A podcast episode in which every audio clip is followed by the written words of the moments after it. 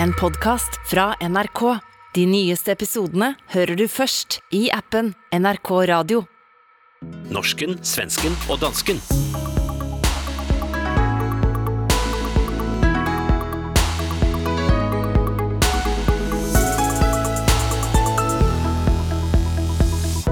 Den danske højreekstremisten Rasmus Paludan vil stille til valg i Sverige. Må vi ta ham seriøst nu?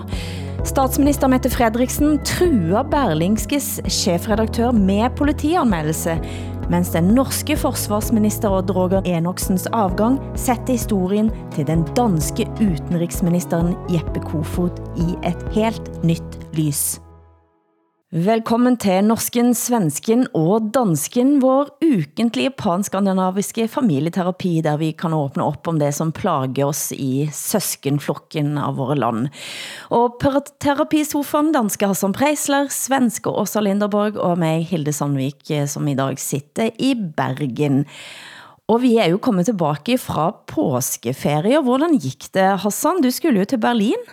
Ja, jeg var i min barndoms øh, by, Berlin, øhm, og jeg tilbragte en uge øh, på øh, Sweden, på det hotel, jeg boede på, fordi vi var alle sammen syge øh, på hver sin måde. Nogen havde ondt i maven, nogen havde ondt i halsen, øh, nogen var forkølet og så videre, så vi... Øh, vi isolerede os øh, på Sweden. Øh, heldigvis var der både pool og biosauna og finsk sauna og dampbad på, øh, på hotellet, så vi kunne øh, overleve fint.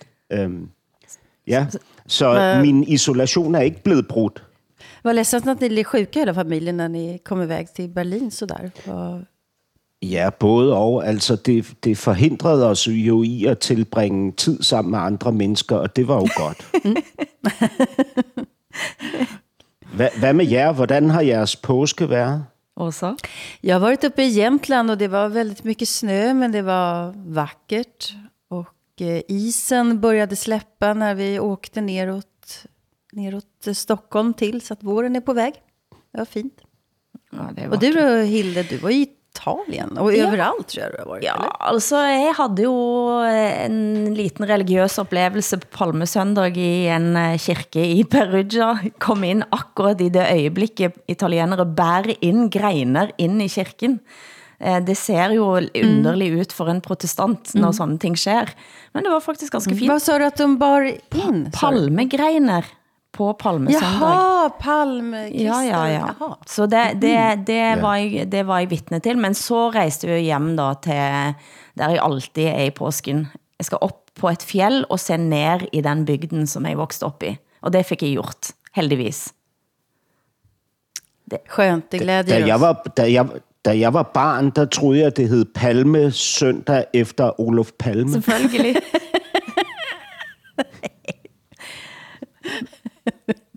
Men da kan jeg sige det, at svenskene faktisk fremdeles tror det, for jeg hørte nemlig et eh, uh, lite eh, nyhedsindslag fra en svensk avis, uh, som havde gått ut på gaten for at spørge uh, svensker, hvad de trodde påsken blev fejret for. Kan det ha någonting att göra med eh, hä- häxorna och det som var från förut? Att man kanske firar att de havde hade åkt iväg. Jag såg också det där klippet. Eh, Det var, det var många märkliga idéer. Väldigt få trodde att det hade att göra med Jesus.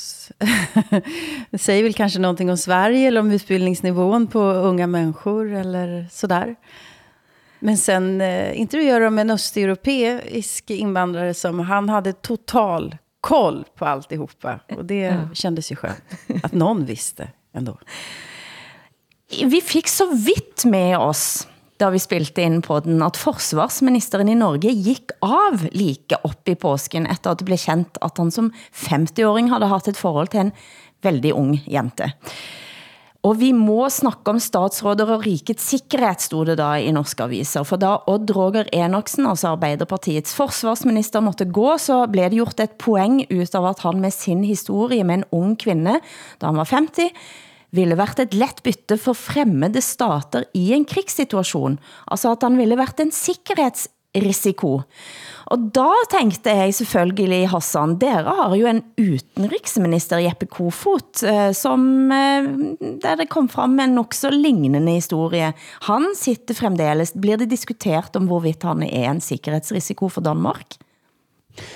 Nej, altså jeg har prøvet at søge lidt på det. Uh, Jeppe Kofod havde for en del år siden en, uh, en affære med en 15-årig pige på en uh, kongres, hvor han var foredragsholder, uh, og i øvrigt allerede på det tidspunkt i en meget magtfuld position som udenrigsordfører for Socialdemokratiet. Ikke? Han er jo nu i dag, som du nævnte, vores udenrigs minister.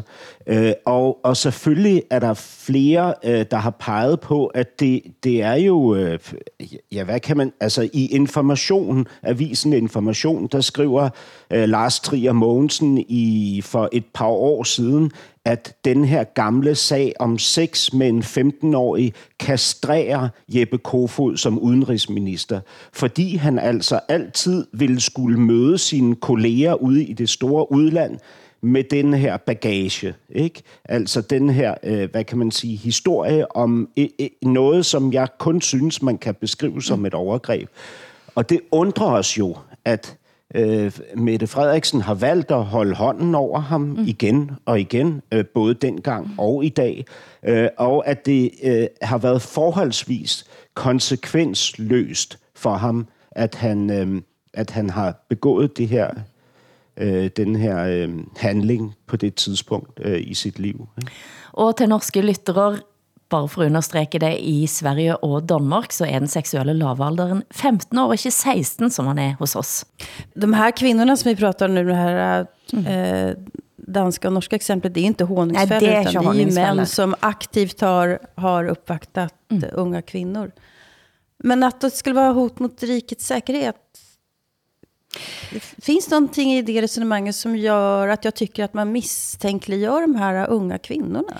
Nej, altså det jeg tror det handler om her var rätt og slett at hvis det kom den type kompromitterende information om en forsvarsminister i fel händer så kan det brukes.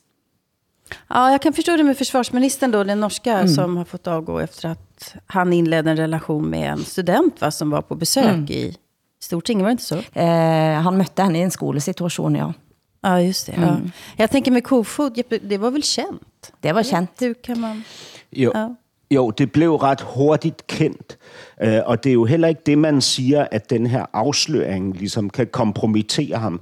Det, man mener kan kompromittere ham, det er selve den handling. Mm. Altså, når han sidder i en, i en situation med en, en øh, kollega fra et andet land, øh, og situationen tilspidses eller bliver konfliktfyldt, så vil det andet land øh, have den her øh, viden på ham, som mm. de kan præsentere i den her sammenhæng. Mm. Ikke? Øh, og det vil jo være en, noget, der vil forskyde magtbalancen, mener man. Og så tror jeg også, man tænker, at når han har den personlighedstype, som ligesom udnytter en en, øh, eller lader sig tiltrække af en meget ung kvinde i en situation, hvor der er alkohol og så videre, øh, så vil han også i fremtiden kunne gøre det.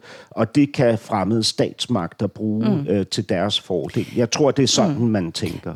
Rational, rationalet är sån. Jag tycker det låter som ett filmmanus, ja, att man skulle använda den typen av utpressningar faktiskt i, idag. Men det, med detta vill inte jag försvara Jeppe Kofot eller att han är utrikesminister överhuvudtaget. Jag tänker ju detta helt upp i dagen att det kan ske. Eh, Tror ni nettopp fordi vi är i den type situation og tilspisset situation som vi är og, og da blir alt brukt.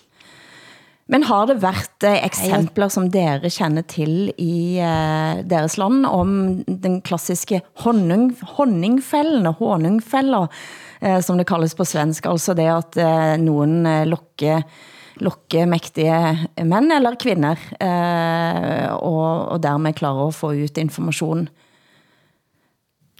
Jag kommer inte på någon nu, men säkert under kalla kriget som jag glömt bort, men jag minns inte. Nej. Nej, altså, jamen, og, også i Danmark har der været øh, historiske eksempler, mm. øh, men, men da Danmark sendte øh, 200 øh, soldater øh, til Estland øh, på en NATO-mission i 2017, så advarede den danske efterretningstjeneste faktisk soldaterne øh, mod russiske honningfælder. Mm. Øhm, så der, der mente man ligesom fra, fra, fra Forsvarets efterretningstjeneste, at der var potentiale for forførelse af de her øh, soldater, ikke? som en chikane og intimideringsstrategi øh, øh, fra russisk side, mm. allerede i 2017. Vi har ju i och för sig ett, ett väldigt känt svenskt exempel när en, en maktperson blir utpressad på grund av sin homosexualitet. Och det är ju Gustav V eh, som eh, var kung, dog 1950. Och när han dog så avslöjades det ju att han hade blivit utpressad av den här mm. Kane, mm. det som heter Kane-affären. Så det är klart att det finns sådana exempel också, men jag kan inte komma på Men jag tycker ändå det känns lite långsökt att, att man i förhandlingar stater emellan, regeringar emellan skulle, skulle spela ut ett sånt kort. Att jag vet att du har legat med en minderårig. Gör man, mm. gör man verkligen det yeah. idag? Jag tror det finns andra påtrycknings... Jag tror att, nej, jag tror att det, det skulle uppfattas som oerhört lågt. Och det finns andra påtryckningsmedel. Att vi stryper ena och det andra handelsavtalet eller någonting sånt där. Men. Jeg forstår, hvad du siger, Åsa, fordi i nogle kredse vil det vel nærmest være et adelsmærke, at man har øh, erobret en 15-årig pige. Ikke? Altså, ja. jeg, jeg tænker, at, øh, at der i nogle af de her øh, meget specifikke sammenhænge vil være mænd, som egentlig sidder og synes, at det er øh, måske ikke kun helt normalt, men endda prisværdigt, mm. at man uh, har haft de her affærer med unge kvinder. Men i Norge så er det altså to kvinder, som, uh, som, som stikker ut, når en skal snakke om honningfælder. Det blir påstått blandt andet, at Werner Gerhardsen, kone til statsminister Einar Gerhardsen, skal ha gått i en honningfælde under et besøk i Yerevan i Armenia i 1954, og at dette Oi. senere blev benyttet yeah. av KGB i mhm. Sovjetunionen yeah. til at påvirke norske myndigheter. Det er den ene eh, historien, og den mest kendte spionsaken i Norge involverer en kvinde, som havde et forhold til en russisk eh, krigsfange, og som senere blev eh, altså sekretær i Moskva. Så, så det, er, det er ikke bare, altså vi snakker som om at det bare er mænd, eh, som potentielt Nej, går i honningfælder, men det er det jo heller ikke. Nej, det tror inte jag heller. Men jag tänker också att det är skillnad på 50-talet och nu. Jag tror att man ja. har andra tumskruvar man drar åt idag i så fall.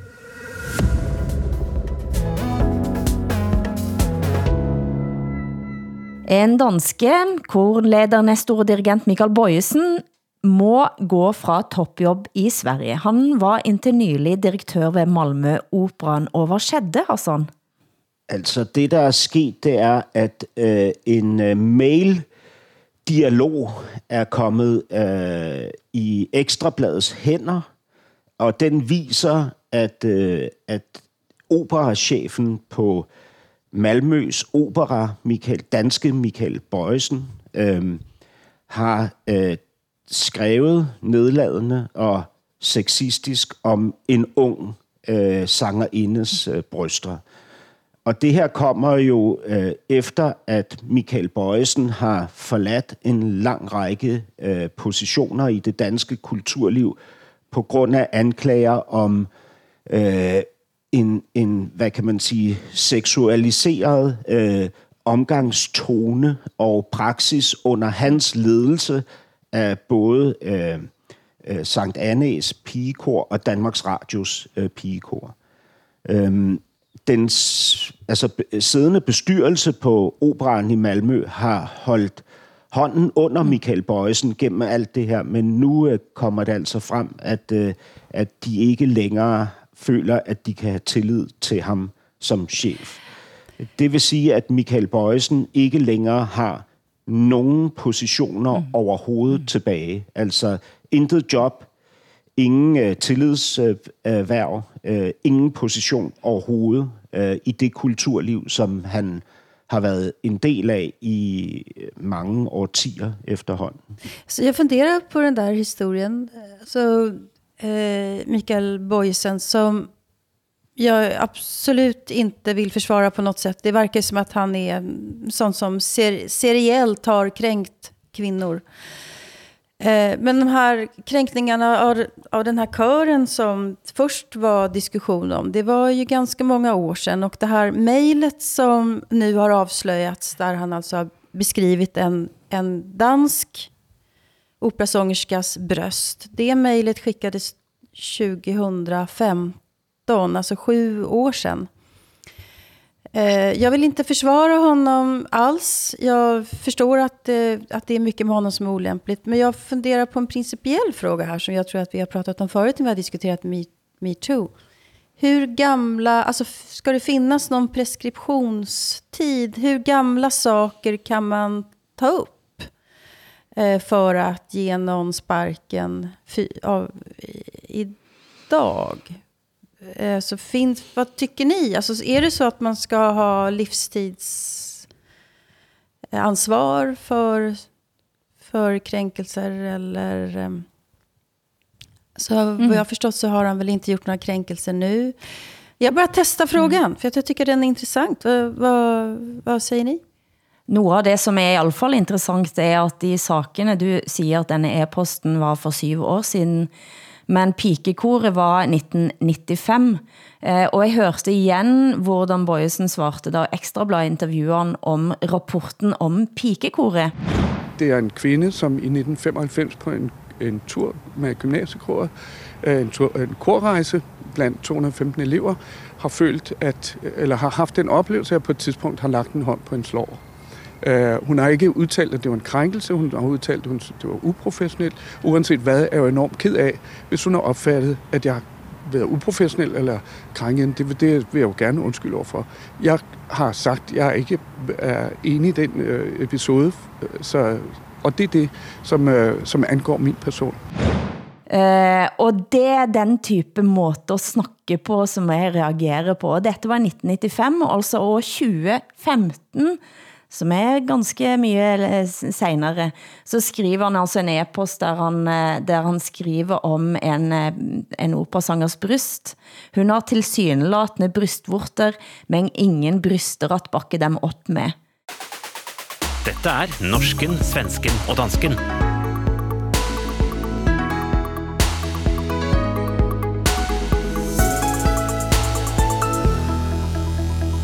Look what happened last night in Sweden, sa Trump i sin tid.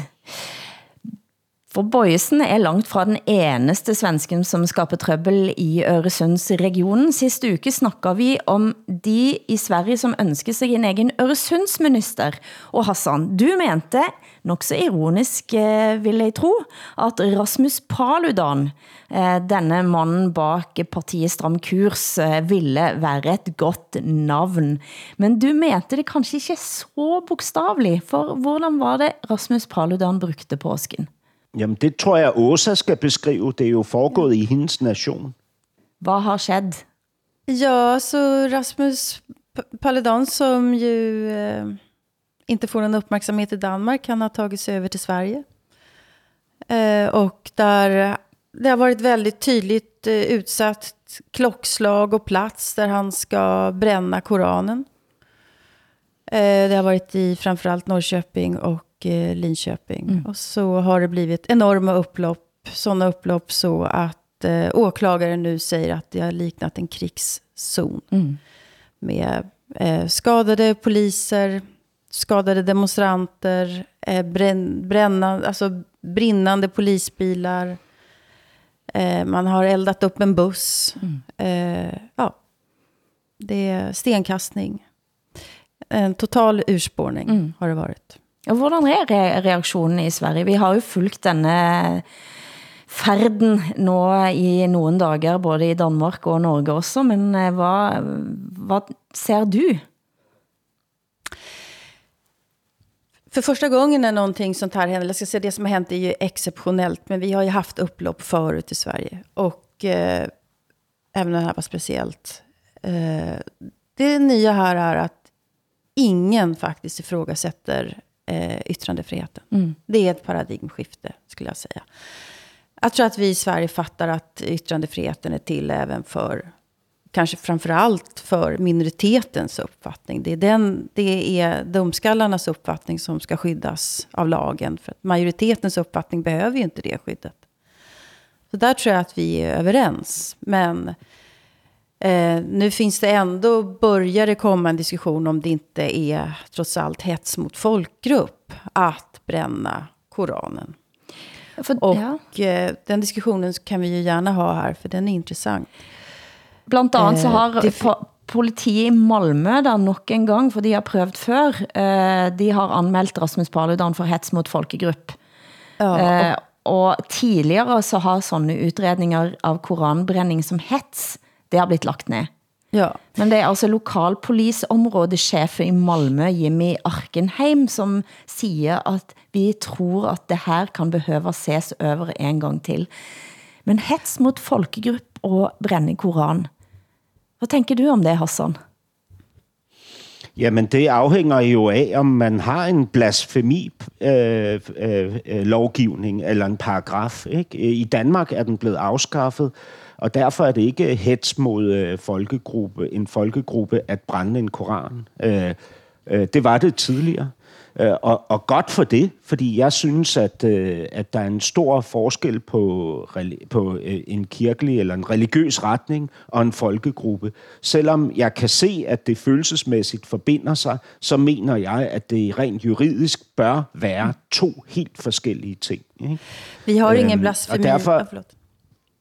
Nej, nej, og så vil jeg bare sige, at, at I skal jo vide i Sverige, at den benzin, som Rasmus Paludan behøver, er jo for det første unge, vrede, rasende mænd fra Mellemøsten, med mellemøstlig baggrund, som mm. går i gaderne og kaster med sten. Og for det andet øh, et, et, politi eller en anklagemyndighed, som prøver hans sag ved retten. Ikke? Man kan ikke gøre noget bedre for Paludan end de to ting. Ikke? Øh, og, og, og det må I jo gøre op med jer selv, hvad I så i den relation mm. ønsker. Skal han have opmærksomheden, eller skal han ikke have opmærksomheden? Ikke? Fordi han, han behøver den, øh, og han får den lige nu. Ikke? Så det er jo en stor glæde for Paludan, det der sker i Sverige. Og det er jo også det, som vil give ham den politiske backup, han skal bruge for at kunne komme ind i det svenske parlament, hvilket han jo forsøger på nu ved at opstille til mm. næste valg i, øh, Jo, men i det, Sverige. ju- det har ingen chans att göra. Men ehm, jag vet att ni i Danmark har, har ignorerat honom och eh, det, det är liksom ganska svårt att bestämma sig för att nu ska alla ignorera Paludan. Det ingår ju också i yttrandefrihet att man får känna sig kränkt av någonting, att man faktiskt får reagera på, på det. Frågan är ju bara hur. Jag tycker inte att det är polisens uppgift att avgöra ifall det är hets mot folkgrupp att bränna Koranen. Jag tycker inte att de ska driva den frågan överhuvudtaget. Yttrandefriheten ska vara neutral i förhållande till alla åsikter. Om man bestämmer sig för att det är hets mot folkgrupp att bränna Koranen, då måste man också säga att det är det i alla sammanhang, även i konstnärliga sammanhang. Jag var i, i Warszawa för inte så länge sedan på det här deras eh, moderna museum som nu har en, eh, en chef som är tillsatt av regeringen. Så att det är ett regeringsvänligt museum som alla andra museum i, i Warszawa. Hur som helst eh, så vill jag se vad är det för utställning de har. De hade en utställning om förbjuden konst. Och där såg jag bland annat då Lars Vilks och eh, Ove Max Jensen. Men så såg jag också en kvinna som, som eh, eh, hon dansade på Koranen med höga klackar. Eh, Det var ett otroligt starkt konstverk faktiskt. Det var fantastiskt. Då är det också hets mot folkgrupp i så fall. Så var ska vi dra den här gränsen? Får vissa Nettopp. bränna Koranen och inte andra? Får konsten göra vissa saker som andra inte får göra? Så kan vi inte ha det, så kan inte lagen se ut. Men det är ganska svårt att säga att ni får inte reagera på någon som kommer hit och bränner Koranen i ert samhälle. Frågan är bara hur ska protesterna se ut? Hur, hur ska man göra? Och då är det ju stor kritik mot den svenska polisen att de har varit så handfallna, att de inte hade tillräckligt med resurser, att de inte visste vad de skulle göra, att de var underinformerade och så vidare. Den utredningen pågår ju. Eh, nästa fråga är ju, ska han få komma tillbaka? Det är nästa fråga nu. Ska han få komma igen? Och då hävdar ju jag ju att jag tycker att han har rätt att göra det. Trots att Sverige blev en krigszon. Men alternativet är att vi säger, nej men eh, Du får, du får inte komma därför att det blir bara problem. Och då är det stenkastarna och då är det polisen som drar en gräns för yttrandefriheten. Samtidigt som jag vet, okej, okay, då, då upprepas det här. Det här kan upprepas en gång till. Och det vill man ju heller inte förespråka. Men altså, jeg må bare indrømme, at all det snakker om krænkelse. Sissel Vold, utenrikskorrespondent i NRK, eh, sa faktisk efter karikaturkrisen, da Jyllandsposten publicerede 12 karikaturer av profeten Mohammed, så så vi jo, hvilke enormt sinne dette skabte i store deler av Asia, men ikke minst i Midtøsten. Så, skri, så siger hun, og det var jo en lærepenge for det mer sekulære Vesten. Denne grænsen for ytringsfrihed, og hvor man tråkker på andres religion og hellige værdier. Jeg tror ikke man helt forstår det i Skandinavia. Da jeg hørte at du sa det, så hoppede jeg i stolen, må jeg bare indrømme. For hvem var det en lærepenge for? Og noget av det og deler av politiet har sagt eh, i Sverige er at dette havde jo heller ingenting med Paludan at gøre. Her så man en mulighed for at gå til angreb på politiet, som man har haft et ønske og behov om at gøre længe, og at her er det altså store kriminelle miljøer, som organiserer sig eh, for at ta eh, voldsmonopolet eh, på sengen og, og, og underminere det, som på mange måter er et tillitsbaseret system i Skandinavia. Eh, og, og, og det er jo heller ingen tvil om, at det svenske samfundet har våknet ganske brått. Eh, og det er jo for nylig ikke muligt at snakke om, at du havde kriminelle gænger, for eksempel. Og det snakker man jo højt om nu. Og det betyder jo også, at de Va? kriminelle... Har vi inte pratat i Sverige om at vi har gängkriminalitet? Jo, men kriminelle gænger, men man vi har, har ikke... inte pratat om noget andet de senaste Nej, men han har 6-7 ikke snakket så veldig mye om, hvor det kom ifra. Og det snakker jo veldig mye tydeligere om nu, at det for eksempel er klansbaseret, at det er mafia-lignende tilstander, og selvfølgelig så ville ikke en, en mafia-lignende tilstand eh, tillate at politiet går for tæt på. Og det har blitt tøffere at være kriminell gjeng i Sverige. Eh, og det, det, det, den her modstanden, som, som blåste op eh, i Sverige nå i påsken, Eh, tænker jeg, ser jeg i alle fall like mye som, en reaktion på det, som at det er veldig såra og krænker følelser, som nogen har tråkket på. Ja. Jag håller inte med om beskrivningen att vi i Sverige inte har pratat om gängkriminalitet förrän nyligen. Eller att det är en form av maffia. Vi har också pratat om klansamhälle väldigt länge. Inte lika länge som ni tycker att vi ska ha gjort det. Men, men det, det har vi faktiskt. Och jag, liksom, jag tycker det är en karikatyr av debatten i Sverige. Den har varit ganska hård. Eh, skulle jag säga. Men, men eh, däremot så är det ju intressant att kriminella grupper nu utnyttjar en sån här yttrandefrihetsmanifestation, mm. om man nu vill vara snäll mot Rasmus Paludan och kalla det för det. Att de, att de gör gemensam sak med, med många som faktiskt är kränkta på riktigt över att han bränner Koranen. Mm. Det är ju någonting nytt som vi ser. Hassan? Ja, der, der, er en, der er en øh, danske debattør, som kalder Paludan for en fremkaldervæske. Mm. Altså, at han ligesom øh, via sine Øh, manifestationer viser tingenes tilstand i et hvert samfund, han, øh, han udfører de her handlinger i, øh, på det, på det eksakte tidspunkt, han gør det på. Ikke? Og lige nu illustrerer han så, hvordan det ser ud i Sverige bag masken. Mm. Ikke? Øh, og den øh, analyse synes jeg egentlig er ret interessant, fordi det er jo som om, at nogle ting kommer frem. Blandt andet kommer det jo frem, at der findes de her ekstremt, øh, hvad kan man sige, brutale øh, grupperinger i Sverige.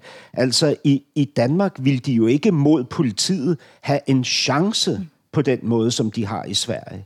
Altså, det vil simpelthen ikke ske. Og Paludan, da han vendte tilbage til Danmark øh, dagen efter, holdt han en, en manifestation i Tornby, som ligger lige på den anden side af Øresundsbroen, hvor han selv sagde, i Danmark har politiet øh, styr på situationen. Jeg, jeg tror ikke, han synes, det er godt, politiet har styr på situationen, mm. fordi det fremmer ikke hans sag. Mm. Men det har de altså ikke i Sverige. Mm. I Sverige så man jo politiet flygte i deres biler fra de her øh, angribende unge mennesker, ja, som, som jo dels er banderelateret, men jo også har nogle, nogle øh, meget specifikke religiøse forbindelser, og måske endda også en international mm. påvirkning. Mm. Ikke? Og det er jo ret vildt. Altså, det, det er jo... Øh, det synes jeg er et skræmmende perspektiv, ikke? At, at der findes øh, den type øh, grupperinger, som er villige til at gå ekstremt langt, som både har religion, øh, bandementalitet og øh, og kan, kan vække en, øh, en international furore. Mm. Ikke? Altså, det ser jo ud som om, at der lige nu er en fare for, at Sverige får sin egen karikaturkrise internationalt. Mm. Ikke? Fordi øh, blandt andet i Iran er, er svenske diplomater blevet indkaldt Irak. til det... Til, Irak, mm. ja, undskyld, til det irakiske... Øh, øhm, til den irakiske minister, mm. ikke? Øhm, og skal stå skoleret. Ja. Altså, det er jo... Det, man, man kender jo den situation. Og så må man jo bare lige afslutningsvis pege tilbage på den norske debattør, som taler om lærepenge. Ikke? En utenrikskorrespondent til og med. Ja, Det er lidt klogt. Og, ja, og, og, og så, så må man bare, øh, hvad hedder det, ryste på hovedet og tælle til 10, ikke? Øh, for, for at genfinde sin, øh, sin egen ro. Øh, fordi det er så tosset øh, at tale om, at vi skulle have at, at vi burde have lært af det her, ikke? Og knægte vores øh, egen mm. ytringsfrihed for, for de her øh, for den religiøse sårbarhed. Men jag tycker det är intressant jämförelsen som du gör Hassan mellan Sverige och eh, Danmark. Ni hade Mohammed-karikatyrerna och det blev inte alls den här typen av våldsamheter överhuvudtaget. Och den danska polisen har helt enkelt större auktoritet än den svenska polisen. Och det är nog mycket som finns att undersöka här i Sverige. Vad det är som gör att polisen har reagerat på det här sättet och varit så handfallna. Men har de været handfallende, som du, du kalder det?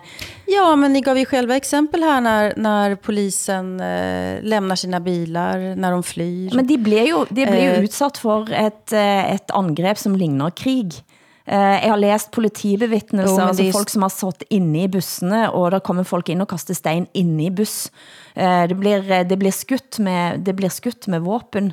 Eh, Det er, det, så kan man sige sådan, har det noget med, med måten man reagerer på, hvorfor går man ikke ind med andre type biler og den type ting.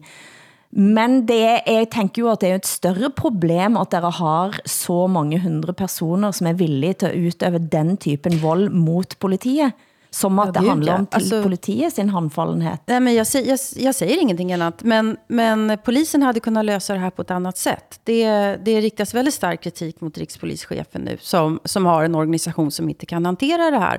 Då är det intressant att jämföra med Danmark. Eh, hur, hur, hur kan de hantera Rasmus Paludan? Varför kan vi i Sverige inte göra det? Eh, Jag, jag tror att det är olika på hur polisen har eh, organiserat den här typen av, av frågor till exempel. Och eh, det är, det är problem på, på, på båda håll här. Det är en stor utvärdering som måste göra. Det här kommer ju att komma tillbaka dessutom. Så att eh, det, det är ingen liten, liten sak.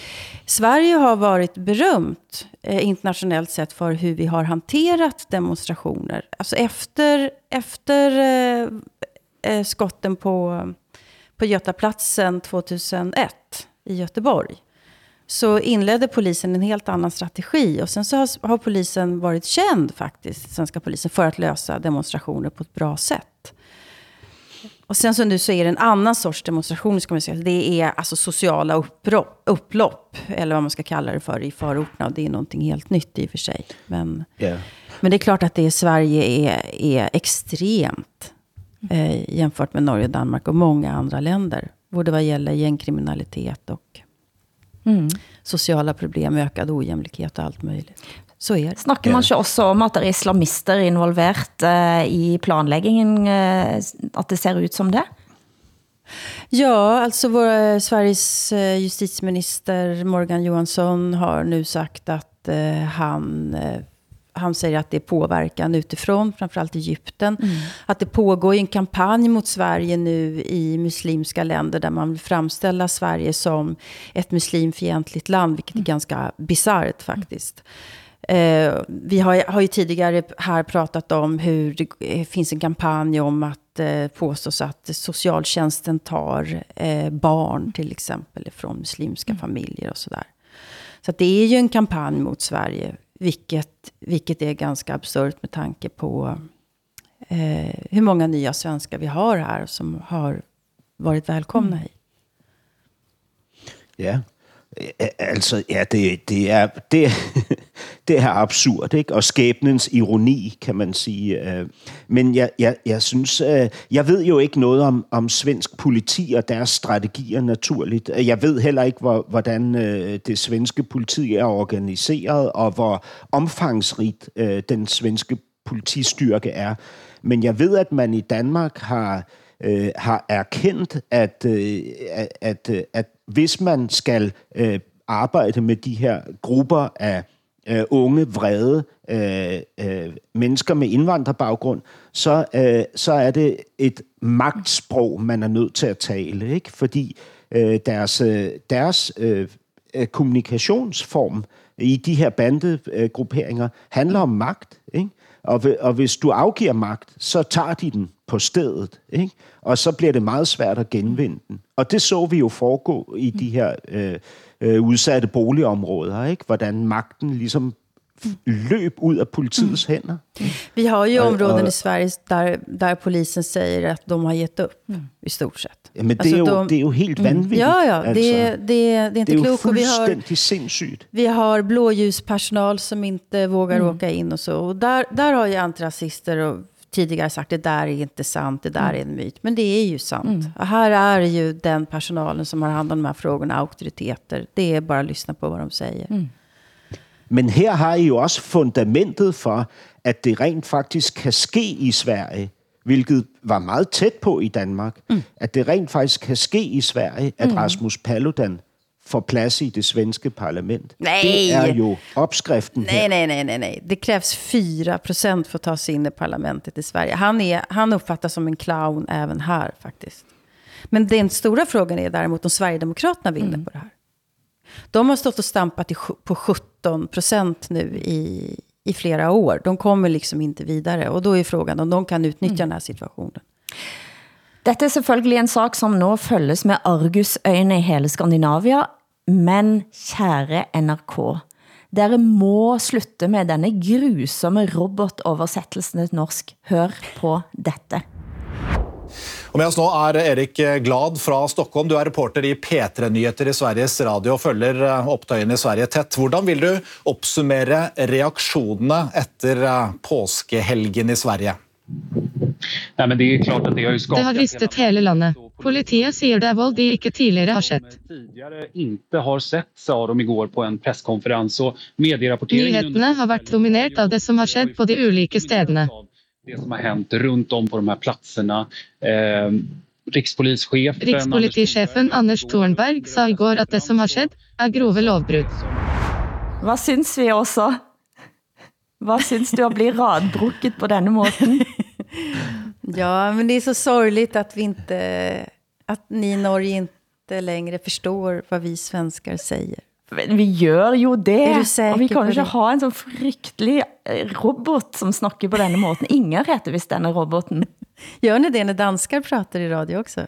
Ja, ja, ja. ja. Nej? Nej, det är fryktelig. Vi gör det. Men det är bara när det är nordbor som, det är inte andra? Nej, alltså, nej, jag vet inte vad de har lagt sig till. De må slutte. Ja, absolut. Vi bestämmer de det, tycker jag. Det är en, en gemensam ja. appell härifrån. Men hvad er det, jeg læser i Berlingske? Mette Fredriksen har truet chefredaktør Tom Jensen i Berlingske med politianmeldelse. Ja. Hvad, nå, er, hvad er dette? Har hun altså, sat for mye på borgen? Ja, men det er, det er jo ja, kuk-kuk, ikke? Øh, Mette Frederiksen møder op i Berlingske til en samtale om demokrati og medier, fordi hun mener, at kommunikationen mellem magten og medierne er blevet forringet gennem de senere år. Det ønsker hun, øh, at, at vi kunne have en bedre demokratisk øh, samtale, ikke? Øh, og, og den indleder hun så, øh, ifølge Tom Jensen, øh, med øh, ved at true ham med en politianmeldelse, lige inden de skal ind på scenen og tale om demokratiske samtaler. Ikke? Altså, hun siger til Tom Jensen, øh, ønsker du, at jeg fortæller foran publikum nu, at, øh, at der er en politianmeldelse på vej øh, til Berlingske Tiden, og Tom, og, øh, på, på grund af en specifik historie, som Berlingske endnu ikke har bragt, men som øh, statsministeren altså har fundet ud af vil komme i avisen. Ikke? Øh, og, og Tom Jensen, chefredaktøren på Berlingske, siger så, at jeg, jeg foretrækker, at du ikke nævner øh, den historie, vi ikke har bragt endnu, men hvis du føler dig kaldet til det, må du gøre det. ikke?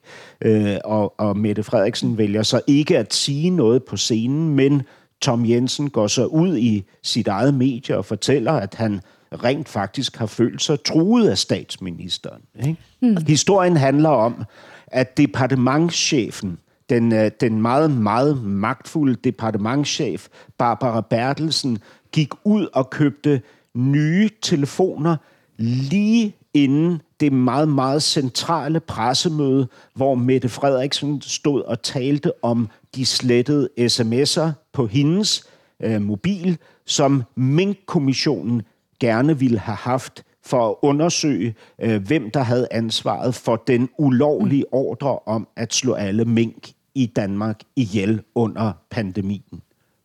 Men alltså jag förstår mig inte på Danmark. Um, för att förklara för svenska, för svenska lyssnare, alltså att, att Berlingske tiden, hur talar man den? Berlingske tidene? Berlingske, det hedder bara Berlingske. Berlingske, Berlingske var på väg att avslöja att Mette Fredriksens, en av hennes närmsta personer, hade köpt två mobiltelefoner på stan Eh, så att Mette Fredriksson lättare skulle kunna säga att alla sms som hade att göra med minkkommission, som minkkommissionen ville ha, var försvunna. Bara det är ju någonting som gör att man i Sverige skulle tvingas avgå, skulle jag säga. Dessutom så säger Mette Fredriksen i en direktsändning i radio att, att, de ska, att hon har polisanmält tidningen för att de tänker göra det här avslöjandet. Det är skäl två, nej, att man nej, skulle avgå i nej. Sverige. Ja, det er ikke helt korrekt. Hun siger det Nej. ikke i radioen. Hun siger det i en privat samtale med Tom Jensen, netop før de går ind for at tale okay. foran et publikum om den demokratiske samtale. Det er fortfarande det er heller ikke helt...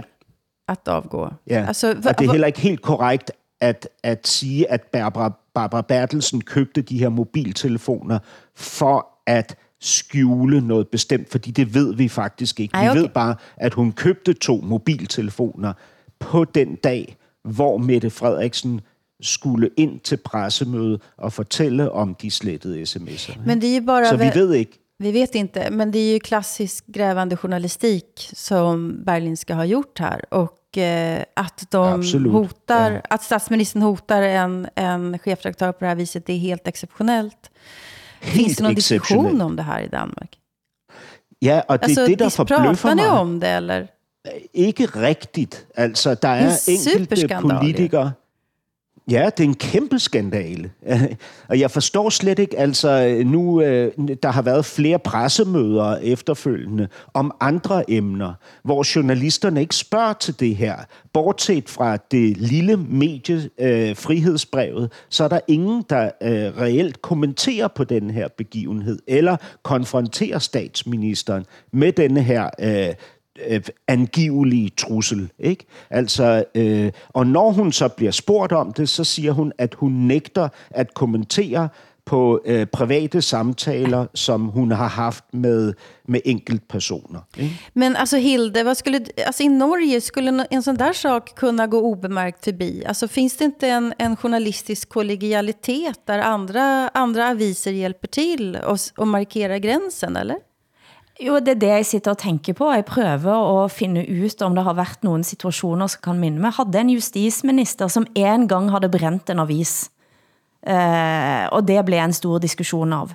Men at se for sig, at man kunne haft en statsminister, som truer en redaktør på den måten, er ser det ikke for mig, og jeg tror at det ville ha ført til at journalistlag, redaktørforening, eh, presseforbundet eh, havde gått ganske samlet flokka også. Jeg håber de det. Andra, Ja, absolut. Men jag tänker också de andra politiska partierna, oppositionen, har inte de Nettopp. försökt plocka poäng på det här? Det är ju Der, helt der er enkelte øh, politikere, som øh, har, har kaldt, øh, som nu vil kalde øh, statsministeren i samråd, ikke? Men, øh, men altså nogen, øh, hvad kan man sige, samlet reaktion på det her har der ikke været. Og jeg synes jo, altså det, det viser jo noget om øh, af, af Mette Frederiksens mm. position i, i det danske samfund lige nu. Hun er urørlig, ikke? Og den urørlighed øh, mærker hun jo også selv. Og det giver hende jo nogle særlige privilegier mm. til at, øh, at handle på bestemte måder, som, som jeg personligt synes er voldsomt grænseoverskridende og meget chokerende. Nu när vi sitter och pratar här så är Mette Fredriksen i Ukraina och möter eh, Zelensky. Eh, Ja, ja. vad, alltså är, är det någonting som eh, kommer att stärka henne ytterligare, tror du? Eller? Ja, naturligvis. Hun er der sammen med den, den spanske regeringsleder Ja. øh, for tiden. Jamen, naturligvis øh, er det noget, der vil styrke hende yderligere. Øh, man kan jo sige det, øh, som jeg har sagt det tidligere, at Mette Frederiksen gør kun det, der kan styrke hende yderligere. Ikke? Øhm, Jag säger inte att det är hun, fel øh, att hon är där, det var inte det jag menar, men hon, Nej, hon nej, verkligen men- tar men sig det- ut så här på ett sätt. Akkurat når vi snakker nå, så tænker jeg at med den maktpositionen hun har, så kanskje vi skal sende henne til Putin i stedet for. kanske Okay. kanske den enda, enda som kan sätta honom på plats. Så kan, så kan du... Nå, så, ja, ja, ok. selvfølgelig. Ja, ja, ja, ja, Ok. ja, ja, ja. Nå, Jeg ville ikke, nå, at hun men skulle, det- det- jeg ville ikke, at hun skulle i klørene. Jeg ville, at hun skulle sætte ham på plads. Nå, jeg, jeg troede, du mente, at de minder så meget om hinanden, at de vil, at de vil have noget at tale om. Men det, det tror jeg måske, du har ret i, Hilde, at- at den eneste ting i verden lige nu, som reelt vil kunne true øh, Putin øh, på hans magt, det er måske, som du siger, Mette Frederiksen. Hon är vårt hopp. Det kunne været min oldemor, som i sin tid sa, at Hitler burde være tilsnakker. Og jeg tror faktisk oldemor også ville ha kunne snakke med Putin. I don't wake up in the morning and go, oh my God, I'm an actor. That's my identity. I, I don't have that gene.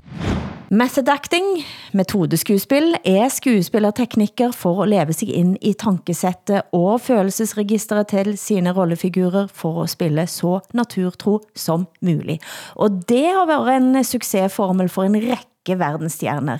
Men nå har den danske stjerneskuespilleren Mats Mikkelsen gått til frontalangreb på metoden, som han kalder pretensiøst bullshit. Det har fått dig til at se rødt, Hassan. Og hvad er det, når du er uddannet i? Ja, men jeg, jeg, jeg er uddannet i method acting. Øh, øh, som øh, nogen vil vide, så har jeg en fortid som skuespiller. Øh, man kan, man kan øh, diskutere, hvor, hvor, øh, hvor god min karriere nåede at blive, og hvor talentfuld jeg var. Naturligvis kan man det. Tydeligvis havde jeg ikke lige så stor succes som Mads Mikkelsen, som jo spiller kæmpe store roller i internationale storfilm. Senest overtog han jo rollen efter øh, Johnny Depp, som øh, stod anklaget og derfor ikke kunne møde op til optagelserne i den seneste mm. Harry Potter film. Ikke? Og her er Mads Mikkelsen, Mads Mikkelsen så øh, endnu en gang, kunne man sige, ærkeskurken over dem alle. Fordi det passer jo enormt godt til ham, ligesom at stille sig op med sine øh, øh, sammenknæbe knebne øjne og sine spændte kæbemuskler og udtrykke sig øh, så lidt mm-hmm. som overhovedet muligt, og så siger alle, at det er fantastisk skuespil. Ikke? Og så understår denne her øh, type øh, øh, øh, skuespiller, mm. som han er, øh, som mest af alt minder mig om sådan nogen som Arnold Schwarzenegger eller Jean-Claude Van Damme. Ikke? Øh, han understår sig i at gå ud og så øh, øh, kritisere et system, som har skabt nogle af verdenshistoriens største skuespillere og største øh, pro, øh, kunstprodukter, ikke? Og 59 Oscar-statuetter øh, øh, i øvrigt, ikke? Altså fra Marlon Brando og hele vejen op igennem øh, 60'erne, 70'erne, 80'erne, 90'erne, frem til i dag, hvor nogle af verdens bedste skuespillere anvender sig af de her teknikker, ikke? Så har man så det her Øh, øh, I kan mm. høre, at jeg er meget oprørt. Ikke? Så har man så det her besynderlige danske menneske, som mener at kunne dissekere et helt system og kritisere det som værende noget fuldstændig banalt og, og opskruet og ubrugeligt. Ikke? Han siger blandt andet, at Daniel Day-Lewis er en formidabel skuespiller, men hans talent har intet mm. med method acting at gøre. Men jag måste fråga, alltså, men- menar du att, att, eh, att eh, Mikkelsen inte är bättre än Jean-Claude Van Damme? Du det? Jeg synes, han er i samme kategori. Altså, med, Schwarzenegger og Cla- Van Damme. Nej, de, spel, ja, de ja, spelar og, i en og annan Chuck sorts... Norris og, Nej, og, og jo, jo. nej jo, klart. Hilde. Vad säger vi om det här? Nej, altså jeg bare sitter bare og heier. Jeg, eh, jeg synes dette, denne, denne kampen mellem Hassan Preisler og Mats Mikkelsen vil jeg gerne ha på tape. Ja, ja. Ja. Gärna. Og, og det, det altså, er jamen, prøv at høre, det er, jo, det er jo musens kamp mod elefanten, ikke? Og det er det ikke kun, fordi han er øh, og blev en langt mere succesfuld skuespiller, end jeg nogensinde kunne drømme om, at jeg selv ville blive. Ja. Det er det jo også, fordi han er vores nationalikon, ikke? I Danmark er vi jo ekstremt stolte over den her er klart. øh, skuespillertype, ikke? Øh, jeg synes, det er... Øh, og jeg har, jeg har gået stille med dørene omkring det her, for ikke at netop illustrerer min egen misundelse. Øh, men, men jeg synes, at det er skandaløst, at det er sådan en type som ham, der skal repræsentere vores nation på skuespilområdet.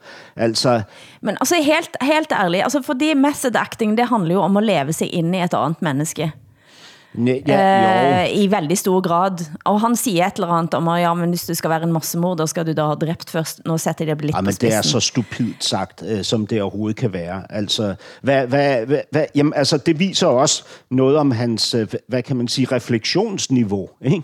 Altså, er der nogen mennesker, der reelt tænker, at method acting handler om, at hvis du skal spille seriemorder, så skal du slå en masse mennesker ihjel? Altså, det, det, er, jo, det er jo så dumt at sige, som, som det overhovedet kan være. Jag, jag, vet, jag, kan, jag kan absolut ingenting om det här. Men det som det går an at sige, da, det handler jo rett og slett om, og hvordan kan man for eksempel spille nogen man ikke kender til selv? Og det har det jo været svære diskussioner om, folk skal representeres, for eksempel. Og det handler jo lidt om Ja, dette. alltså, jag, jag, ja, det tänker jag också. Eh, alltså, det finns ju en diskussion om hur svart ska man vara för att få spela en svart, till exempel. Eh, bara transpersoner kan få spela transsexuella, bara homosexuella ska få spela homosexuella. Bara judar ska få spela judar var det ju också en diskussion om för inte så himla länge sedan. Eh, det blir ganska absurt, för då, då har man ju tappat bort vad skådespeleri går ut på. Det är ju att man ska gestalta andra och leva sig in i andra och liksom försöka fånga, fånga det. Men eh, method acting, jag tänker ändå lite gammaldags låter det kanske, eller? Altså, method acting lyder gammeldags. Ja, men lite. Men jag tänker så här, var går gränsen då? Jag, jag tycker inte att det är helt dumt när Mats Mikkelsen säger så här, ja men en massmördare, hur ska man kunna, hur ska man kunna leva sig in i hans psyke? Jeg forstår ikke, hvorfor han gør det. Altså, jeg, jeg tænker lidt, at det må være øhm, ligesom med Mette Frederiksen, at han er blevet ramt af storhedsvandvid.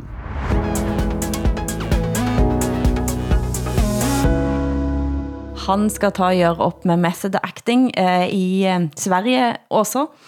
Eh, så skulle det arrangeres en, eh, en støttekoncert for Ukraina. Og jeg tænkte, vi kunne gå ut eh, med noget av dette.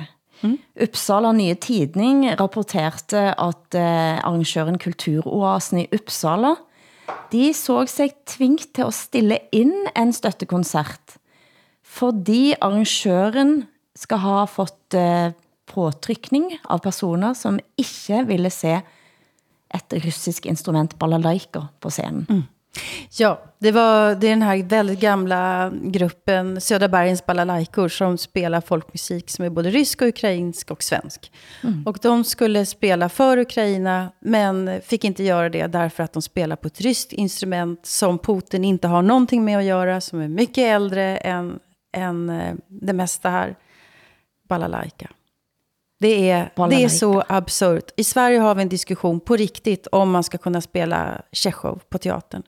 Som om Tjechov har någonting att göra med kriget i Ukraina. Det, vi håller låg nivå i Sverige just nu kan jag säga. På många sätt. Ja. Hassan, hvad? Det er helt kukuk. Altså, Helt det kokok, det jo- helt clean koko Ja. som de säger i Norge tror jag. Clean kokos. Kuk-kuk Clean på, og jeg må sige, Hassan, når du siger det er kuk-kuk, du skriver det kuk-kuk, som det ville vært på norsk, og da, Ja. da rødmer alle nordmænd og begynder at fnise inde i sig selv. Hvorfor? Hvad betyder, hvad betyder kyk på norsk? Kuk betyder penis. Det er helt kuk-kuk. Det blir sidste ord fra oss i ukens Norsken, Svensken og Dansken, og la oss eh, holde fast i eh, både støttekoncertene og håbet, og skal vi gå ut på jazz på med Jan Johansson. Det er jo lidt specielt, men det er jo kanskje også en grund til det. Jan Johansson er jo en stor eh, jazzpianist i Sverige. Ja, han dog 1968. Han har ingenting att göra med det här kriget i Ukraina. Det är underbar musik.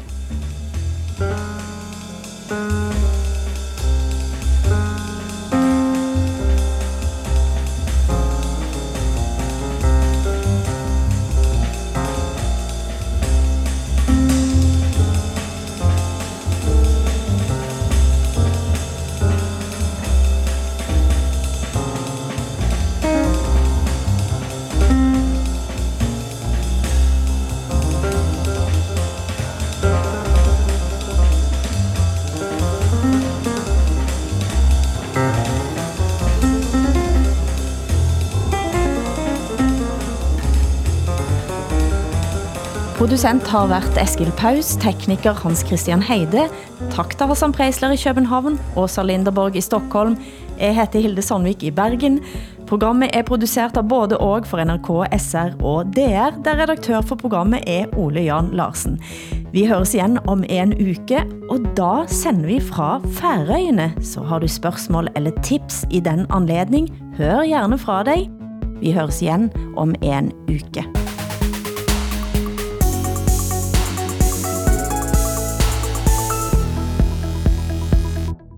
Du har hørt en podcast fra NRK. De nyeste episodene hører du først i appen NRK Radio.